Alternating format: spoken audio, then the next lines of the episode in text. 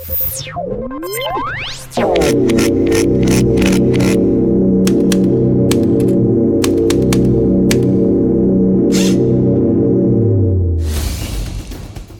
pozdravljeni v 16. epizodi Počrta podcasta. Z vami smo danes Lenard, Anže in Taja.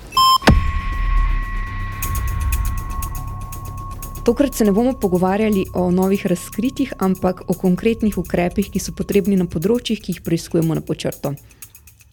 No, ampak za današnji pogovor, kljub temu, da ni nobenega ekskluzivnega razkritja, je pa vseeno poveden konkreten dogodek. Taja. Ja, in to je intervju s predsednikom vlade Marjanom Šarcem, ki smo ga naredili sredi aprila. Z njim pa smo se pogovarjali o konkretnih spremembah, ki bi bilo treba narediti na področjih, ki jih preizkujemo že več let. Anže, ti, ki si sodeloval v tem intervjuju in se s premijem pogovarjal, kaj je bilo izhodišče za inter ta intervju, oziroma kako smo do intervjuja prišli. Kot veste, pri počrtu že od našega nastanka poročamo o najrazličnejših tematikah, problemih v naši družbi. In na to od odgovornih tudi terjamo odgovornost. Jih sprašujemo, pritiskamo na njih, da zadeve popravijo. Z tega vidika smo se odločili, da gremo tokrat do tistega, ki je, da temu tako rečem, najbolj odgovoren, oziroma na vrhu te piramide odgovornosti, premijeja, zato ker je kot politični vodja države tisti, ki prevzema tudi največjo odgovornost pri vodenju te države. Ja, pa ne vodi pa, vlado. Ne pa seveda edino, Mhm. ker nismo v uh, absolutizmu. Tako da smo se odločili, da bomo poskusili pridobiti njegove poglede na tematike, ki jih preiskujemo na počrto, najbolj pereče tematike trenutno, in pa tudi um, pridobiti od njega informacije, kakšne ukrepe načrtuje vlada na teh področjih. Kar pomeni, mi smo izbrali koliko, sedem glavnih ukrepov, oziroma sedem glavnih področji, s katerimi se na počrto največ ukvarjamo, in smo kar precej vnaprej poslali osnovna izhodišča, tako da smo premijeju dali dovolj časa tudi za priprave, glede na to, da so bila naša vprašanja dosti konkretna. Treba je povedati na tem mestu najprej, da je Šarec privolil intervju z nami, sicer smo se začeli dogovarjati že konec lanskega leta, intervju smo pa upravili sredi aprila. Podobno smo hoteli tudi narediti z prejšnjim premijem Mirom Cerarjem, ampak on je pač eh, te naše prošnje zavrnil, Uh -huh. oziroma njegova PR služba. Tako da Šarec je bil pripravljen, namen je pa bil, ja, da mu vnaprej pošljemo tematike, o katerih se želimo pogovarjati, in nekaj izhodišča za pogovor, zato ker je pač jasno, da premijer verjetno ne more biti zelo podrobno seznanjen z vsem, kar vemo pri podčrtu, ki se pač Zelo podrobno, pa že nekaj časa s tem ukvarjamo. Ja, tako. In smo upali, da, da mu bo njegovi strokovni sodelavci pripravili neke ukrepe, ne, ki naj bi jih on, oziroma vlada, oziroma ministrstva, kakorkoli pripravljali na tem področju. To je, bil, to je bila naša ideja za tem intervjujem.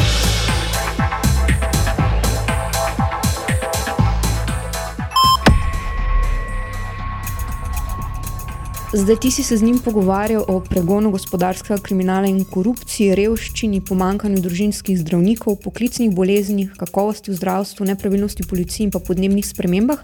Pa predlagam, da v bistvu govorimo mi čist konkretno o vsaki temi in se na njo osredotočimo.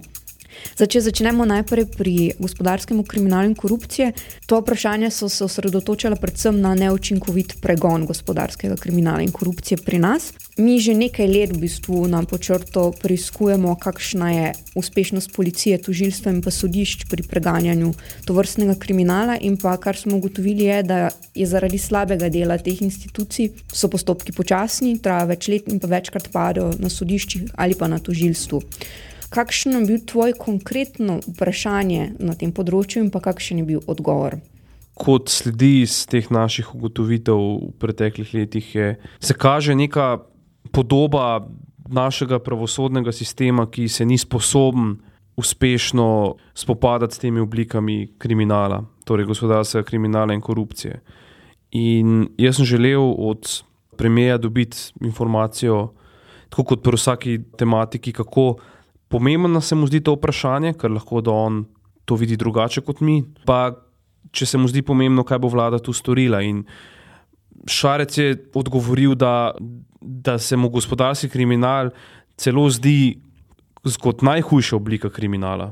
Torej, Meni je izjemno pomemben. Ja, hujša kot recimo umor, ne, kjer on pojasnjuje, da umor lahko nekdo stori v afektu, da, da gospodarski kriminal, pri gospodarskem kriminalu gre pa za neko premišljeno oškodovanje lastne države, ki škodi vsem nam.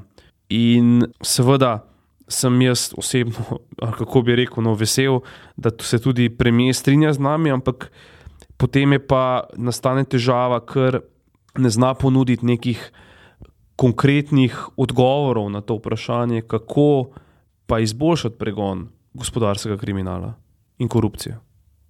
Torej, prejšnja vlada je predlagala zakon, s katerim so želeli pohitriti sodne postopke, vendar je ta zakon potem kasneje padel v parlamentu.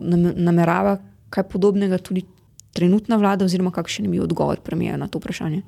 Premijer je glede ukrepov najprej postavil neko nenavadno tezo, da, da policija pogosto upravi svoje delo, na to pa postopki padejo na sodiščih. Konkretno je izpostavil primer bolnišnice Jesenice, kjer gre za sume oškodovanja bolnišnice v zvezi z javnim naročanjem in da ne bi policija tu pridobila obremenjujočo dokumentacijo z bolnišnice, na to pa je sodišče to, te dokaze umaknilo iz spisa in to ne bi dokazovalo neko neresno sodišče, ampak v bistvu je sodišče dokaze umaknilo iz spisa, ker so bili ne, po mnenju sodišča nezakonito pridobljeni dokazi, kar je pač v skladu z vladavino prava. Kar pomeni, da je izbral precej ponesrečen primer. Ali? Ja, morda celo nekoliko nevaren primer, ker v bistvu, če bomo mi zahtevali obsodbe sodišč, ne glede na to, kako so bili pridobljeni dokazi, pol tukaj odpiramo nenavadno interpretacijo, kaj ne bi pravo in pravna država bila. Ampak ja, v bistvu v zvezi z zakonskimi spremembami smo pa Šarca upozorili, da je prejšnja vlada predlagala spremembe zakonodaje v smislu, da bi se pohitrili postopki. Zdaj ne bi račel preveč podrobno v to, to si lahko vse preberete na naši spletni strani, ampak ta zak, zakon o kanskem postopku, ki ne bi pohitril postopke, je na to padel v državnem zboru. In šar, da smo vprašali, ali imajo tudi oni v načrtu, da predlagajo kaj podobnega. In v bistvu nismo dobili nekega jasnega odgovora. Vse, kar je povedal, je to, da tega konkretnega, obtipljivega, kar je povedal, povedal je sicer več stvari, ampak glede konkretnih ukrepov, da, da je po, njen, po njegovem mnenju treba spremeniti razne stečajne postopke, izigravanje upnikov, odpiranje in zapiranje firm po tekočem traku. Ampak kako je treba to spremeniti, zakaj točno, kako bo to pripomoglo hitrejšim kanskim postopkom, to pa v bistvu iz uh, njegovih odgovorov ni jasno. Ne nekako je obljubil, da bo, da bo tudi tukaj treba začeti malo bolj delati, ne, oziroma kot je rekel, da je, da je zdaj počasi že čas, po njegovem mnenju, da pogledamo malo rezultate do zdajšnjega dela in, in kaj se pripravlja za naprej na tem področju, ampak spet to je zavito v neko meglo nejasnosti, kaj točno želi ta vlada predlagati in kako se spopasti s tem. S to težavo, ne, in to nas v bistvu nekako ne more navdajati z, z prevelikim optimizmom.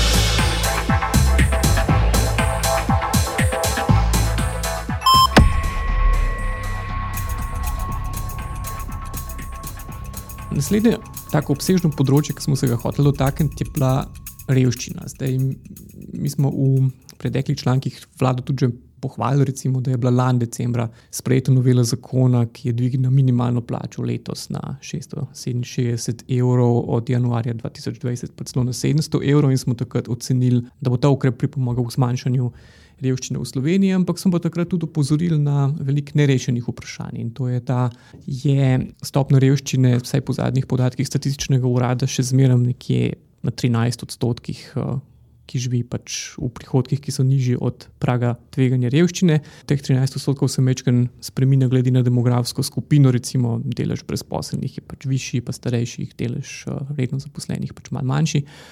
Ampak smo ugotovili, da teh sistemskih stvari se pa država nekako ni lotila, da se je med gospodarsko krizo zelo spremenila struktura zaposlenih, da je pač delež samo zaposlenih postal bistveno večji, kar se po recimo koncu gospodarske krize ni spremenilo, da ti ljudje, ki so samo zaposleni, pač plačujejo večinoma minimalne prispevke, kar je ena taka tempirana bomba za prihodnost, zaradi tega, ker bodo imeli izredno nizke pokojnine, recimo s tem se nismo, se država nekaj dosto ukvarjala. Pač Kup je bilo enih takih reči, no, ki smo ugotovili, recimo tudi programi, mislim, da socialne aktivacije za trajno brezposelne, smo tudi ugotovili številne pomankljivosti, da se sicer je nekaj na tem področju dogajalo, ampak brez enih takih konkretnih rezultatov. Skratka, ja, dvigne se minimalna plača, ampak strukturnih problemov se pa država ni dotikala. Zdaj, koliko se je zdelo, da se pa premije zaveda tega problema? Mi na počrtu nekako smo do zdaj delili te ukrepe zmanjševanja revščine na, na bolj enostavne in bolj, bolj kompleksne. Ne. Recimo ti ukrepi, ki so bili morda politično, jih je bilo mogoče težko sprejeti, so vseeno po sami naravi ukrepa enostavni, ker zdaj zvišati uh, socialno pomoč za 100 evrov ali pa zvišati minimalno plačo, ne, to v bistvu podpišeš odlog in zvišaš. Ne. Drugo vprašanje pa je, kako naslavljati vprašanje revščine eh, tam, kjer so, tre, kjer so potrebni bolj kompleksni ukrepi v smislu kako poskrbeti za to, da bodo ljudje, ki so že dalj časa brezposelni, pridobili ustrezne kompetence, ki jim bo omogočilo zaposlitev in s tem plačo in s tem nekako dvig nad prag revščine.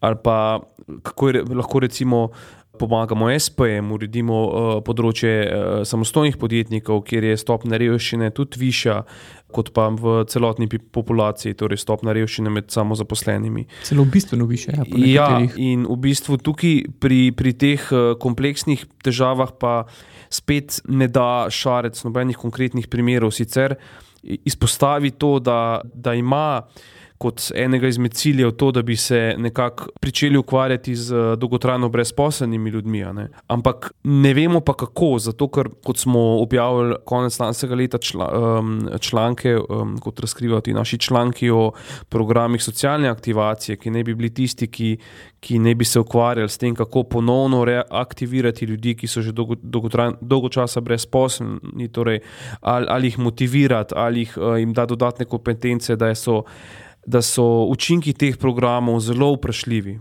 In v bistvu zmanjka ta konkretnost, kaj točno je potrebno narediti za posamezne oblike revščine, da tako rečemo. Ne, ker revščine med samozaposlenimi ne moreš reševati na isti način kot revščine med invalidi. Ne.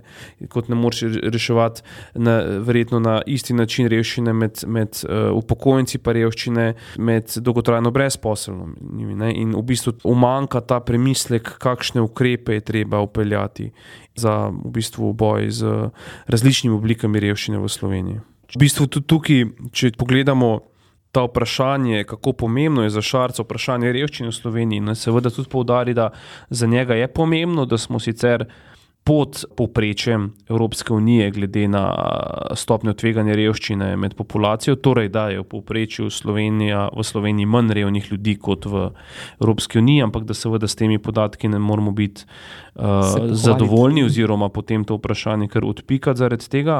Je pa težava, ne, zato ker po drugi strani Šarec izpostavlja, da ne bi bilo tudi določena mera tega izkoriščanja socialnih transferov, tisti, ki do, do njih niso upravičeni, ne, pa da revščine ne bomo mogli nikoli izkoreniniti, kar je seveda res, ampak ta odstotek tistih, ki izkoriščajo socialne transfere, je ja, zelo nizek. V več člankih pokazali, da se strokovnjaki ja. ocenjujejo, da je ta delež majhen, čeprav se pa v politični retoriki pogosto izpostavlja kot.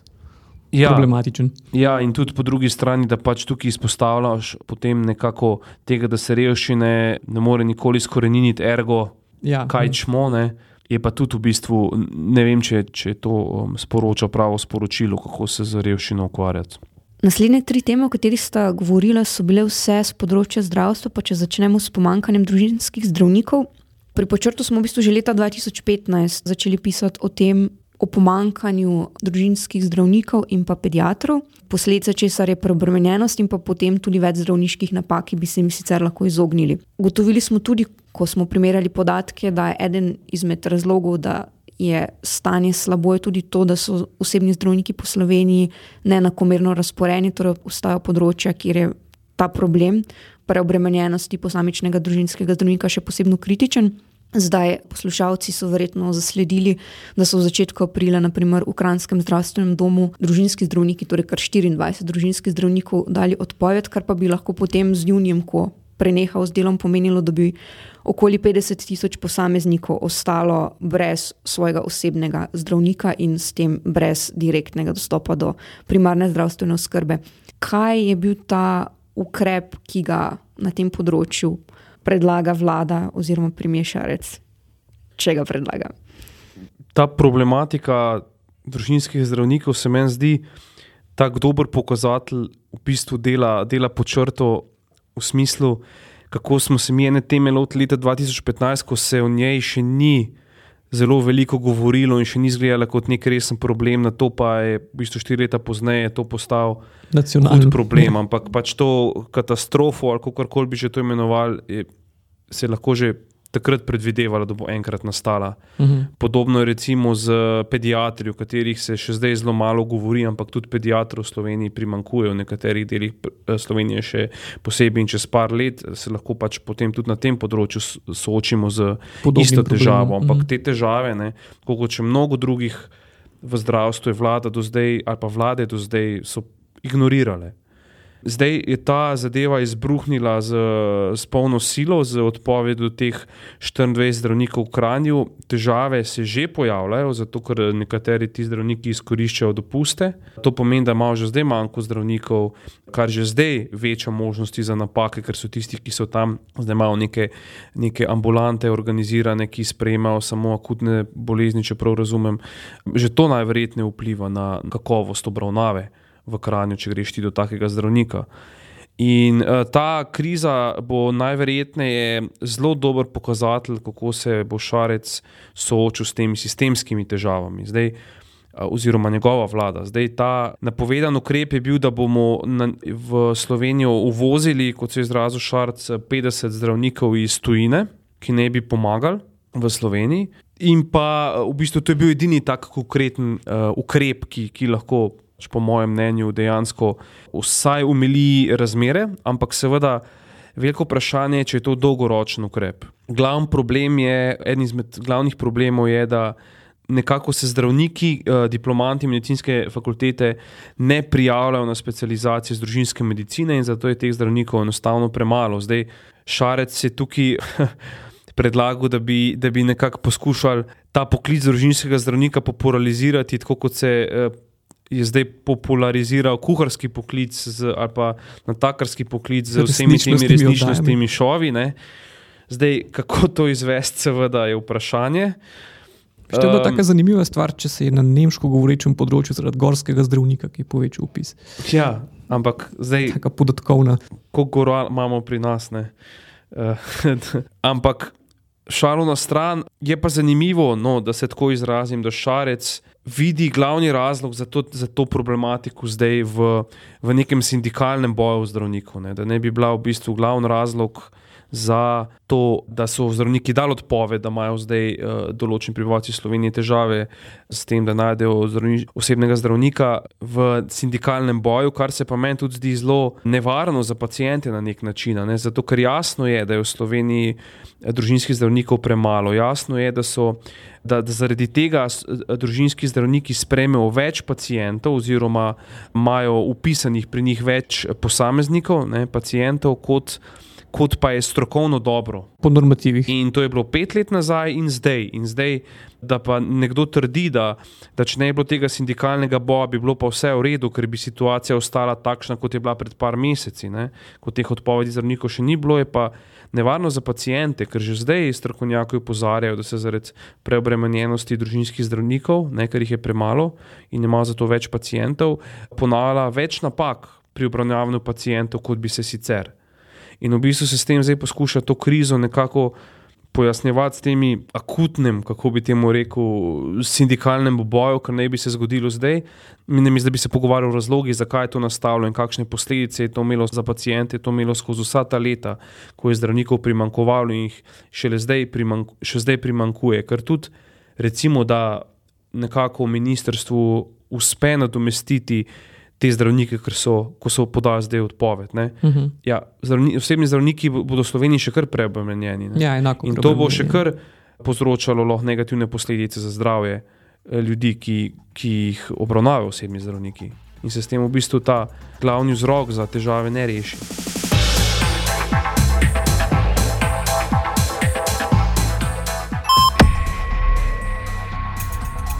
No, to, ki izpostavljaš možnost zdravniških napak, je bila pa na podoben način tema enega tega obsežnega sklopa na počrto in sicer ugotavljanje kakovosti v zdravstvu. Zaradi tega, ker tam mislim, da si prvič zapisal podatek, da je po ocenah Ministrstva za zdravje zaradi zdravniških napak, ki bi jih lahko preprečili v Sloveniji, na leto umre celo do tisoč.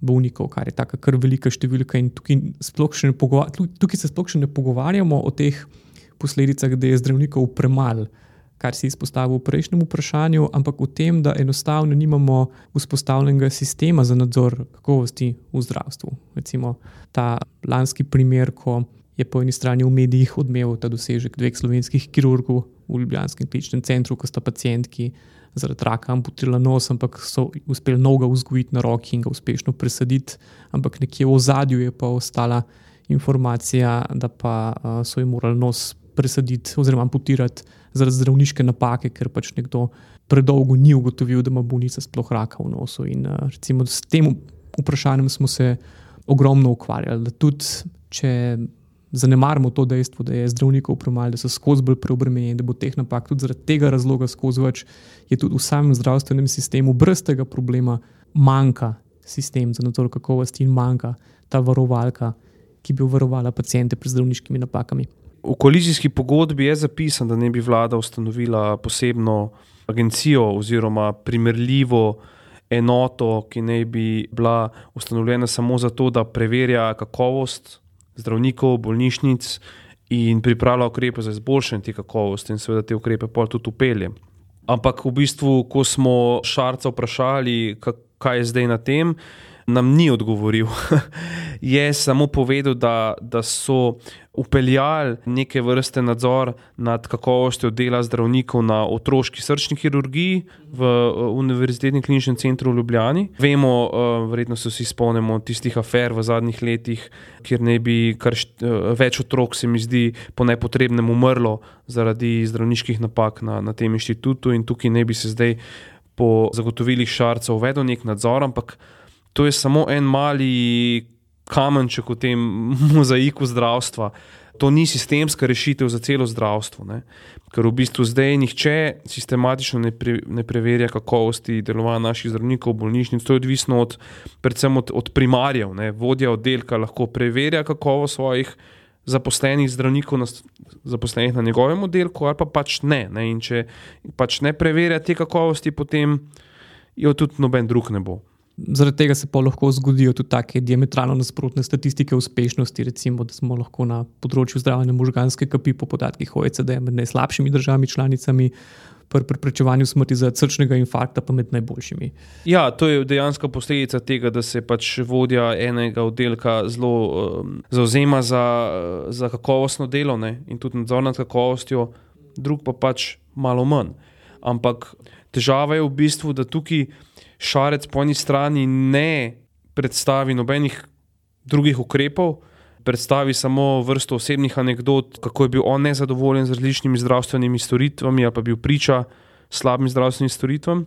In na to potrka na vez zdravnikov v smislu, da se morajo zavedati, da so, da so prisegli, ne, da bodo um, zdravili pacijente po najboljših močeh in da ne pač to tudi izvajo, ampak v vsakem velikem sistemu, ne, kot je tudi takim, kot je zdravstvo, boš imel zdravnike, mislim, boš imel posameznike, ki bodo slabo upravljali svoje delo in te posameznike mora tak sistem najti.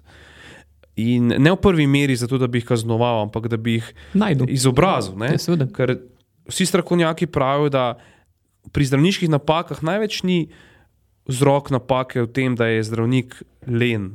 Ja, ampak, pa malo manj. Ampak da v bistvu uh, ima manjko znanja in kompetenc. Ne? In lahko da se zdravnik tega niti ne zaveda, da jih ima. Ne? Um, A pa niso postopki neustrezni. In, in, ja, in tukaj trkati na vez zdravnikov, da naj bolje opravijo svoje delo, ker so pač nekomu prisegli, seveda neproduktivno, ker kako boš trkal na vez nekoga, ki ne zna opravljati nekega dela, da ne ga opravi bolje. Ne? Taka človeka je treba usposobiti, izobraziti. In v bistvu z tega vidika tudi tukaj vprašanje, ali bo, oziroma se poraja nek dvom, ali bo vlada zares izpolnila to obljubo iz koalicijske pogodbe in eh, vzpostavila nek sistem na državni ravni, ki bo nadziral kakovost eh, dela v naših zdravstvenih ustanovah.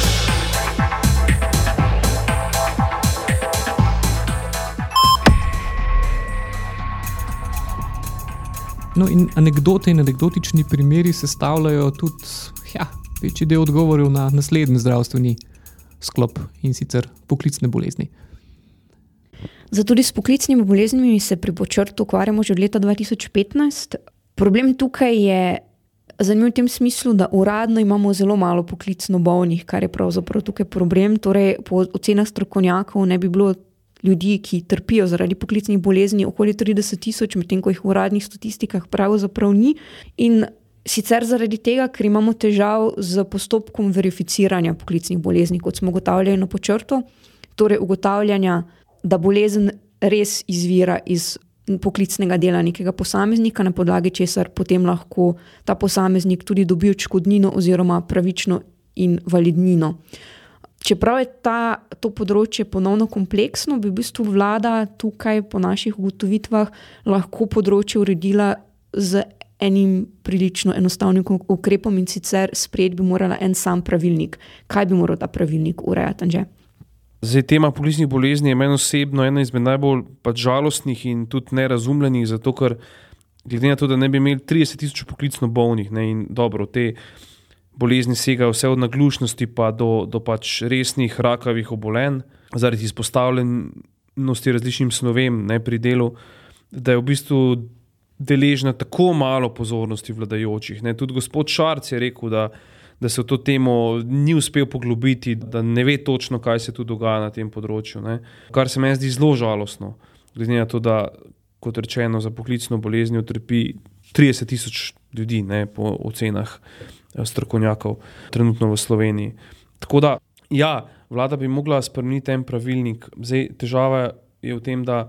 Kdo je poklicno zboli, bi mogel, bi mogel biti upravičen do neke odškodnine, pa tudi do, do polne invalidnine, ker zakon določa, da če ti uh, se poškoduješ, zboliš in zaradi tega ne moreš opravljati svojega poklica, si lahko, uh, lahko dobiš invalidsko pokojnino. Ne?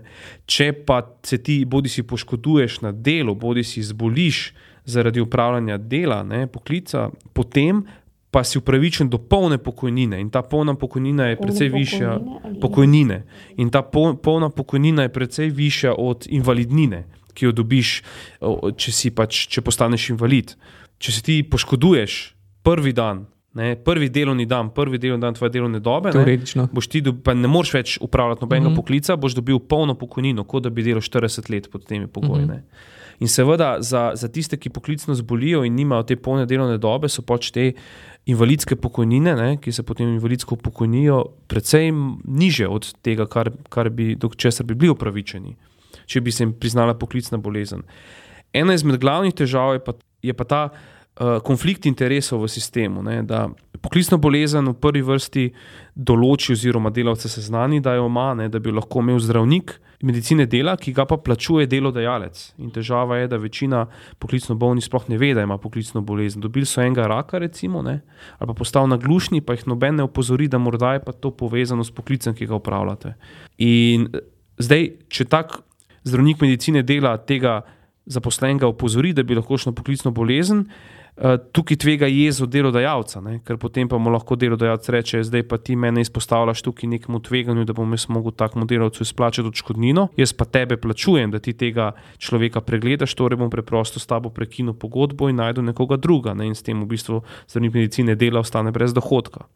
Vlada bi mogla tukaj spremeniti pravilnik, ne, v smislu, da bi bili ti zdravniki uh, neodvisno plačani, ne, da ne bi oni um, ugotavljali, ali je nekdo dobil poklicno bolezen ali ne. In v bistvu tega jim še do zdaj ni uspel. Pač ta, ta pravilnik so napovedovali že leta 2015, že pod prejšnjo vlado, pa potem 2016 in tako vsako leto, in še zdaj ga ni. Zdaj Šarec tukaj reče, da upa, da bo njegova vlada ta pravilnik sprejela. Ne. Zdaj jaz tudi upam v mnogo stvari, ampak nekako ne da svoje politične teže kot za to pač obvezo, da bi se ta pravilnik sprejel, ampak izrazi zgolj neko upanje.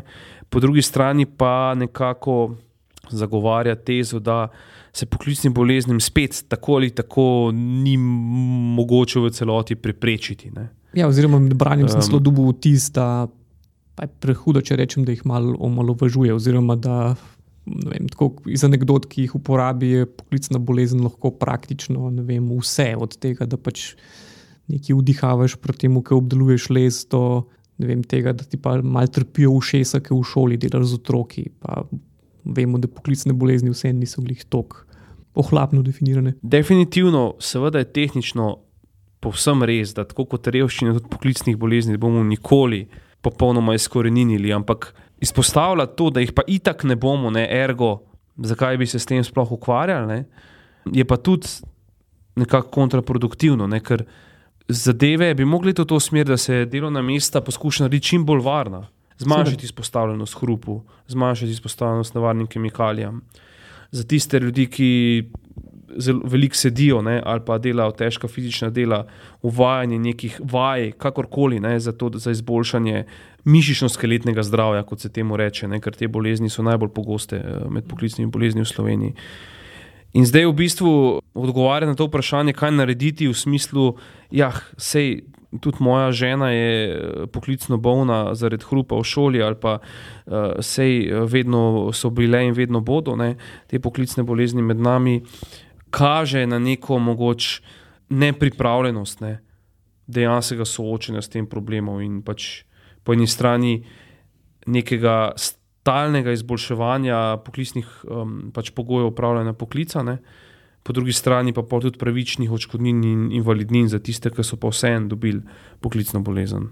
In pa predvsem tudi zgodnega ugotavljanja poklicnih bolezni, ker če te zdravnik ne pove, da, da lahko neko delo slabo vpliva na tvoje zdravje, ne boš to ne boš nadaljeval. Ne? Ja, ne boš pozoren na to. In, in, in tudi, um, se pravi, ti odgovori nas ne morejo dati z velikim optimizmom.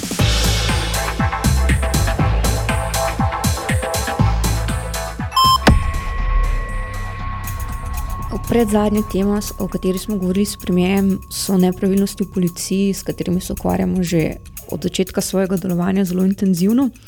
Zdaj mi se osredotočamo predvsem na nezakonito delovanje policije. Ne vem, vse smo konec koncev posneli tudi več podcastov na, na to temo.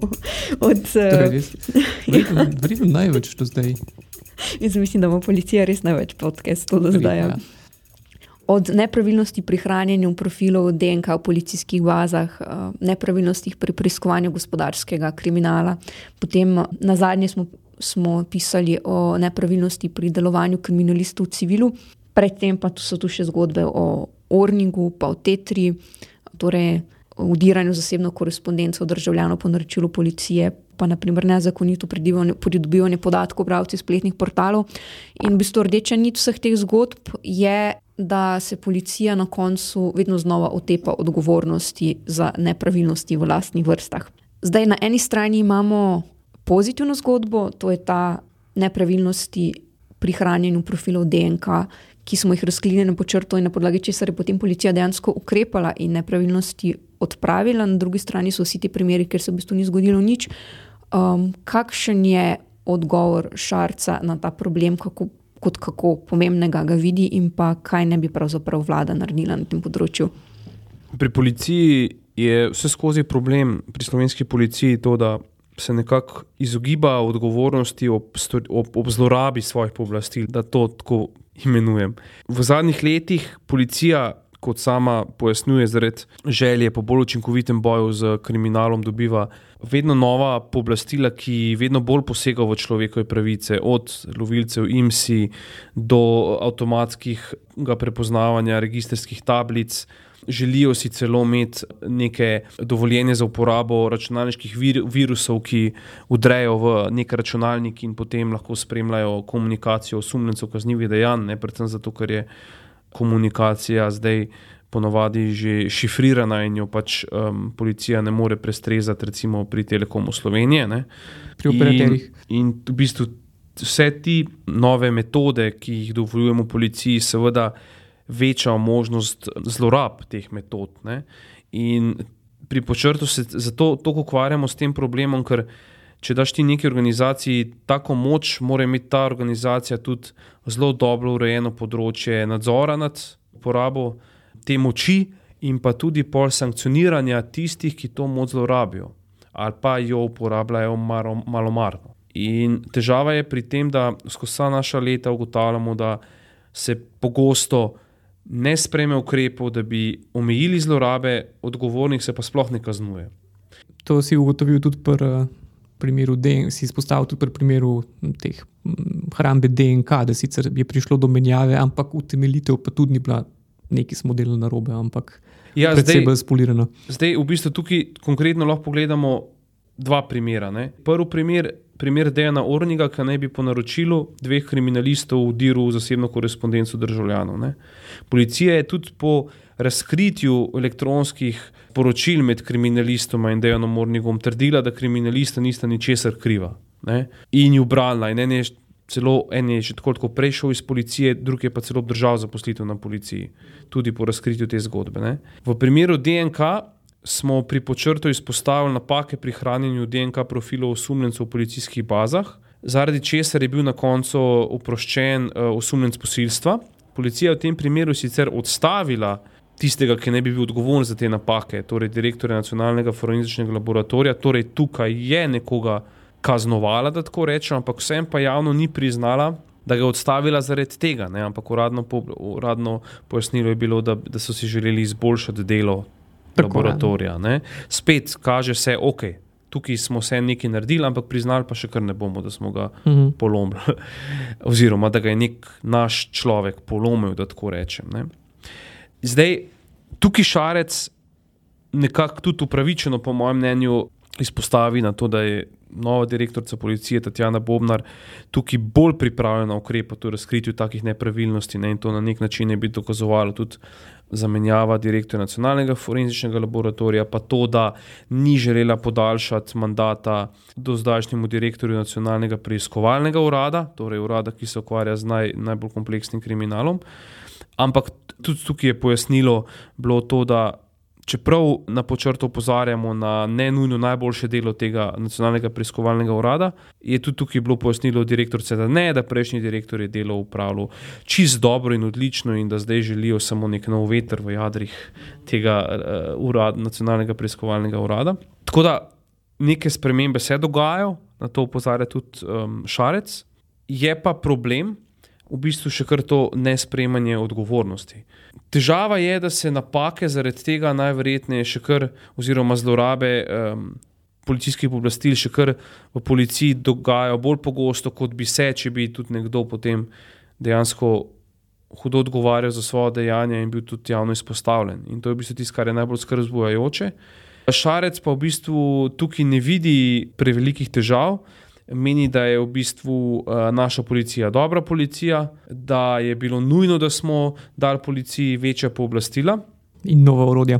Ja, in da je spet problem delovanja policije, ne, tam, pa nastanejo neki problemi v nekem sindikalnem boju v policiji, kar spet ni jasno, ne, kako se ta problem preveč sindikalnega boja v policiji kako je v bistvu to povezano z to nepripravljenostjo policije, da se išče odgovornost in kaznuje odgovorne. Pa če se navežem na tisti odgovor, glede izločene dokazov v primeru bolnišnice Jesenice. Zda, zaradi vsega tega jaz ne verjamem, da Šarec zelo dobro razume, kaj so trenutni problemi v policiji, problemi z zlorabo pooblastil v policiji in kaj policija tu dela na robe, da se v bistvu na to ne, oziroma vrh policije dela na robe, da se na to ne zna učinkovito odzvati, kar ima za posledico to, da se te zlorabe še naprej dogajajo na najrazličnejših področjih ali pa zlorabe oziroma eh, nekako ne dovolj dobro opravljanje dela določenih oddelkov v policiji.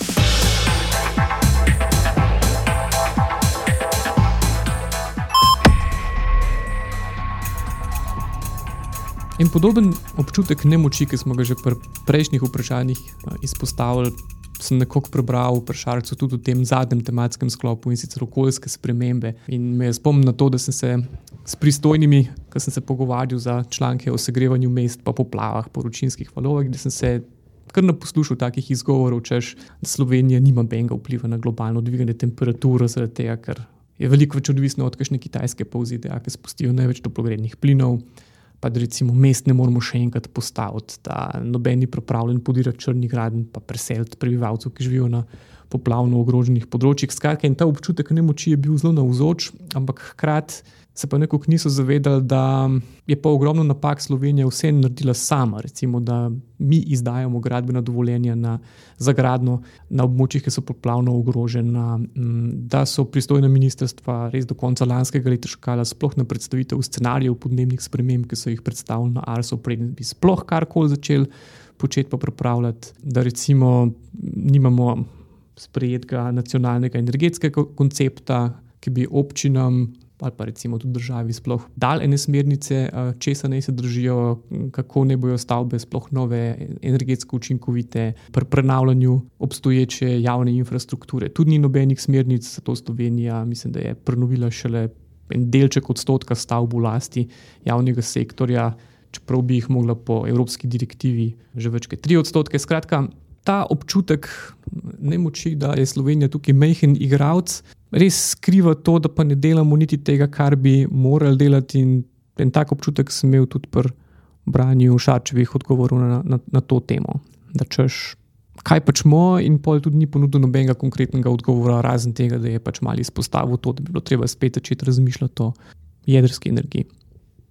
Ja, jaz se strinjam, zato ker v bistvu, kot si ti omenil, pač vedno lahko rečemo, da Slovenija je tako mala, da se nima smisla ukvarjati z preprečevanjem oziroma zmanjševanjem emisij toplogrednih plinov, ne? ker imamo mi un T6, ali ga nimamo, Kitajska jih ima verjetno 10 tisoč, T6, ampak eh, vseeno se tudi to pač neka, predvsem nek manever preusmerjanja pozornosti, zato ker tudi če pogledamo ukrepe, ne, sej z um, zaprtjem ali pa odvračanjem od gradnje termoelektran, verjetno tudi izboljšamo okolje. Ne? S tem, da energetsko saniramo stavbe, tudi eh, pripomoremo k manjši porabi energije, manjšim stroškom za energijo, ne?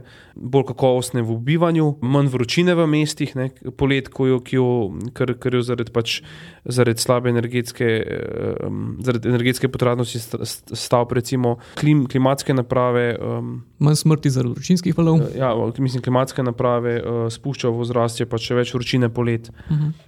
Veliko teh ukrepov, kot jih jaz vidim, čeprav imamo večje države, ki onesnažujejo, bi bile za nas dobre, tudi če, uh, če jih sprememo, ne samo zaradi globalnega zmanjševanja toplogrednih plinov, ampak tudi zaradi ostalih eksternalij, pozitivnih, ki bi jih ti ukrepi prinesli. Ja, mislim, to je eno. Ne? To zahteva lokalne ja. ukrepe, ki so edini, ki lahko tukaj konkretno izboljšajo. Točno. Dru druga, druga zadeva je pa tudi, kako se bomo spopadali s posledicami klimatskih oziroma podnebnih sprememb. Tu pa nam ne bo noben pomagal, ne? ker, tako kot si ti pisal v tvojih člankih lani, temperature bodo rasle.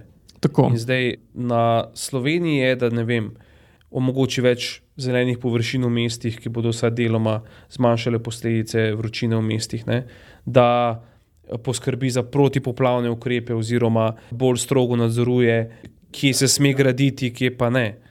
In v bistvu tega se šarec v svojih odgovorih pač ne dotakne, ne, teh vprašanj, ki so pa zelo pomembna. Verjetno jaz bi upal si trditi, da to so to celo najpomembnejše vprašanje naše generacije ali pa prihodnje generacije. Ne.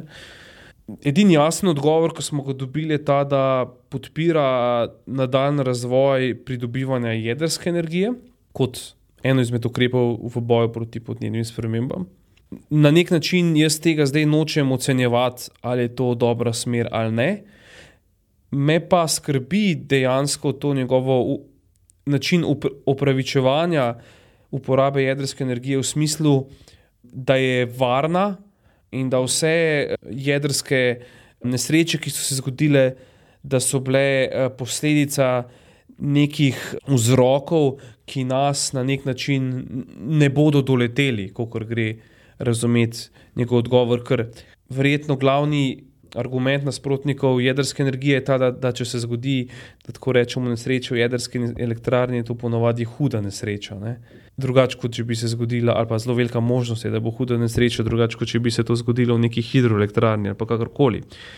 In zdaj on pravi, da, ja, da, da res imamo dve hudi nesreči v polpretekli zgodovini, ne, Fukushima in Črnobil. Ne, Ampak da se je prva nesreča zgodila zaradi človeške napake, druga pa zaradi eh, naravne eh, nesreče, ne tsunami, oziroma potresa in pol tsunami. Ampak pač kaj izmed tega pač nam zagotavlja, da se tudi v Krškem ne bo zgodilo nekaj podobnega. Ne? Ali potres, ali, ali človeška napaka, ali kakorkoli. Ne? In da utemeljevati varnost in s tem tudi neko eh, logiko, da ne gremo graditi drugi blok elektrarne Krško, kot predlaga Šarec, ne? utemeljiti to odločitev s tem, da je jedrska energija varna, zato ker se je ker so se nesreče zgodile do zdaj, bodi zaradi človeške napake, bodi zaradi naravne nesreče. Ta utemeljitev je čudna, ne? ker v ničemer ne, ne negira dejstva, da bi se tudi to lahko zgodilo pri nas. Plus, kar, kar, to, to razumem. kar je meni tukaj zmotilo, je tudi to, da je ta del energetske oskrbe samo en tak delček te sestavljanke okoljskih in drugih, kar pomeni tudi to, če ti dejansko zgradiš drugi blok a, nuklearne elektrarne Krško, nisi nič naredil na teh področjih, ki so jih izpostavila prej, kar pomeni Slovenija. Ne bo zaradi tega nič bolj energetsko učinkovita, nič nismo imeli na prometu, nič bolj ne bo poplavno varna, kar je spet kaže na eno tako dosto osko gledanje problematike. Ja, ker če potegnemo črto pod temi odgovori na vprašanje klimatskih sprememb, pa ne se spet zgodi to, da na zelo veliko vprašanj šarec preprosto nima odgovorov. Ne? Na tisku pa ima odgovor, je pa ta odgovor nekako, kako bi rekel, nenavaden ne?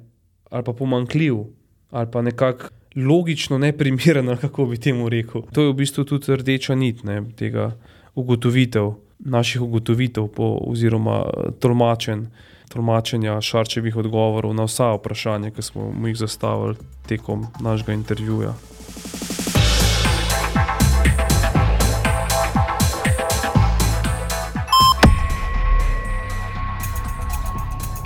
Zdaj, kot smo zaključili v tem analitičnem tekstu, ki smo ga objavili na počrtu, kjer smo dejansko analizirali vse odgovore in jih primerjali s podatki, kar smo skušali narediti tudi v tem podkastu, pač lahko zaključimo, da so odgovori na naše vprašanja večinoma precej nekonkretni in pa anekdotični. Mi smo sicer optimistično, verjetno pričakovali, da bomo dobili veliko bolj konkretne odgovore, kot smo jih kaj zdaj pravzaprav lahko naredimo s tem, oziroma kakšen bi bil tu naš zaključek. Ja, zato, ker mislim, da pride do tistega trenutka, saj vem, da vas moji odgovori verjetno ne bodo zadovoljili. Mislim, kaj lahko še drugo rečeš. Ja, pač imel je prav, ampak kaj pa zdaj? Ja, zdaj, če, če poskuša morda za konec vsak izmed nas malo opisati ali pa raztolmačiti to, kar smo pač napisali, oziroma bom tako rekel, raztolmačiti šarčeve odgovore na najrazličnejša vprašanja, bi jaz rekel, če začnem jaz, da, je, da mene moti ta. V prvi vrsti ta njegova prevelika pripravljenost, da za, za težave ukrivi nekoga drugega. Ne? Za težave pomankanja družinskih zdravnikov je tu sindikalni boj krivec. Tudi za težave v policiji je preveč sindikalnega boja. Poklicne bolezni vedno so in vedno bodo. Ne? Globalne spremembe kaj smo mi v primerjavi s Pekingom. In vse deloma je to res, ne? ali pa tehnično, morda v vseh zadevah je to deloma res, ampak vseeno človek je tam zato, da, se, da, da predstavi neke ukrepe, ne pa da se vedno, da je prvi odgovor ta obramba, ja, kaj pa moremo. Jaz bi tudi razumel osebno, če mi nekdo reče: Poglejte, mi bi radi predlagali te pa te pa te ukrepe, ampak tukaj smo naleteli na odpor tega in je to treba nekako premagati, tukaj na odpor tega, tukaj na ovire tu, neke ovire pri, pri tem in tem.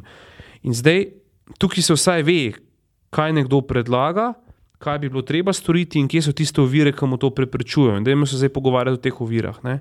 Če pa ti greš nekako čist pošaljno v zadevo, v smislu, ja, pa se vemo, kako je, ne? pa kakšni so zdravniki, pa apelirati na neko osebno odgovornost, da se nekaj reši, ne, vsakega posameznika. Pa... Se tega je bilo veliko po, v pogovoru, ja, se te ideje osebne ne. odgovornosti, pač, če bi ja, bolje to, upravljal svoje delo. Ja, se pa potem vprašaš, zakaj pa sploh rabimo vlado, če je itak vse stvar osebne odgovornosti naš posameznikov in, in lahko premijer samo na to apelira v nekih svojih govorih ali politika ali jaz ne vem. Ne, Iz tega vidika, ne, in potem, če pa tukaj še vzamemo v obzir te, uh, na tisto, kar pa je bilo konkretno odgovorjeno, da so ti odgovori zelo, uh, zelo taki neargumentirani, da temu tako rečem. Ne. Se v meni poraja velik dvom, da bo ta vlada sposobna sprejeti neke strukturne spremembe na področjih, ki smo jih v zadnjih letih preiskovali na počrtu. In vsaka taka strukturna sprememba bo za mene veliko pozitivno presenečenje bom tako rekel. Taja, kaj ti meniš? Kakšni so tvoji ja. občutki, ko prebereš ta intervju z gospodom Šarcem? Zdaj, um, jaz seveda v intervjuju nisem bila prisotna, torej sem ga brala samo v pripisu, no, potem pri urejanju tega članka. No, ampak kar je mene presenetilo, je na eni strani ta neopredeljenost do določenih problemov, ki so, mislim, ne moremo reči, da so vsi problemi, ki smo jih mi vzpostavili, mogoče pač najpomembnejši problemi, ki se bi jih nek, nekdo s politično močjo v Sloveniji na, po svoji odločitvi lotil. Ja, to je bila naša predstavitev. Ja, mhm. ampak pač vseeno pa, to, mislim, vseeno pa je med njimi kup področji, ki niso samo po naši presoji ključna področja, oziroma niso to samo po naši presoji pereči, pereči problemi, tu naprimer zdravstvo, revščina, pač eh, delovanje nekih. Eh, organov in institucij države, in pa tudi konec koncev ta zadnja tema, s katero smo se ukvarjali, okolje, ker v bistvu na nobeno izmed teh vprašanj dobimo odgovora, da nekdo ki vodi vlado ta trenutek, ta problem dejansko vidi kot zares pereč in v kakšni meri. Po drugi strani pa se to, ne, se to nekako navezuje na to, kar si ti rekel, tudi od nekoga, ki je na takšni poziciji in ima pač takšno moč v državi, bi pričakovali, pričakovali da bi zastopal to pozicijo, mi kot družba imamo odgovornost, da rešimo te težave. Naša vlada, oziroma moja vlada, namerava na tem področju narediti to, to in to, vem, ali pa zauzemamo se, da, da bomo vem, do, do v naslednjih treh letih na področju revščine, na področju. Posledic klimatskih sprememb v Sloveniji sprejeli to, pač to so nujne stvari, ki jih moramo narediti. Pričakovala bi takšno odgovor. No? Podobno, mislim, sej, ker sem, sem bil prisoten na polovici pogovora, no, ker sem uh, bil v vlogi fotografa tokrat. Ampak sem se tako malo samega sebe zalotil pri tem, da um, očitno je to moja deformacija, še zmeraj, da um, nekako na glavnem operativnem mestu v državi nekako pričakujem več kot samo ene take bolj simbolne usmeritve. Pa zdaj ne grem v ta fetiš, da bi lahko bil pa on strokovnjak za vse omenjene področja, ampak me zmoti nekakšna ta temeljna nepripravljenost v smislu tega, res ni pokazal, niti da se je zelo poglobil v vprašanje, niti da je pridobil to, kar si ti rekla, in par ključnih odgovorov, recimo, kaj je pa res na vseh teh področjih um, prioriteta, kaj so glavni problemi. To, mislim, to je nekaj tajega, kar res, po mojem, lahko narediš, bi se lahko boljš pripravil na te stvari in vsaj okvirno dal kakšne konkretne usmeritve. Ali pa tudi povedal, ni prioriteta trenutno to, ker je prioriteta na področju zdravstva to. Recimo, tudi če bi tako rekel, pač ja, ok, mislim, to, kar vi pravite, če bi dosti jasno povedal, ja, vi se ukvarjate recimo, ne vem, s problemom zlorab pooblastil po policije, ampak po naših analizah je pa trenutna ogroženost nad kibernetskim kriminalom, polnim pa tretjim, pa organiziranim kriminalom, ker to gre pa v te poti, pa uno, pa vse je pa ocena tveganja taka, da so pa recimo više pooblastila policije in večja učinkovitost bolj pomembna kot pa ne vem kaj. Mislim, če bi vsaj približno v tem duhu dobili odgovore, kaj so prioritete in zakaj, bi se boljš počutil. Ne vem pa, in to je pa se pravi, tukaj imam pa lahko jaz tem problem, da morbit ne znam presojati, kje je ta razlika med strokovnostjo in politiko, pa recimo vlogo in strokovnosti v politiki. Mislim, predvidevamo lahko, da ima vlada za večino teh področji, ki smo se jih mi dotaknili, vsaj nekaj, ali pa bi naj vsaj imela neke osnovne strateške usmeritve vzpostavljene. Um, no, ampak tega iz tega pogovora nismo izvedeli. Slišali pa jih nismo. Ja, ja zato ker pač sej kot vloga premijeje on daje takt celotni vladi. In ja, seveda, jaz verjamem, da imajo ministrstva po predali zelo velik predlog in strategij, ampak premijer ki pol pove, s čim se bomo ukvarjali, s čim se ne bomo, ne, kot si ti rekel. Ne, in v bistvu ta izraženo nepoznanje najrazličnejših problematik ustvarja dvom v ta takt. Ne.